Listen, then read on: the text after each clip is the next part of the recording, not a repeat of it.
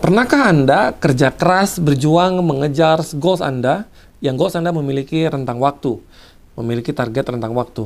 Namun, ketika Anda sudah bekerja keras, melakukan semua prosesnya, tapi di ujung, di injury time, anda merasa bahwa goals Anda tidak bisa tercapai. Dan pada saat itulah, karena Anda sudah melakukan semuanya, pada saat itulah Anda mulai mengikhlaskan kejadiannya dan Anda mulai pasrah. Dan Anda mengatakan sama Tuhan, Ya Allah, kalau memang goals ini untuk saya, Engkau pasti akan memudahkan goals ini. Dan kalau memang takdir saya untuk mendapatkan goals ini, Engkau pasti akan memudahkan semuanya. Karena saya sudah melakukan semuanya. Sekarang semuanya di tangan Engkau, Ya Allah. Dan anehnya, pada saat Anda menyerahkan itu semua, anda baru mendapatkan goals Anda. Jika Anda pernah melakukan itu, saya kasih tahu bahwa itu adalah karena Anda ikhlas untuk mendapatkan goals Anda.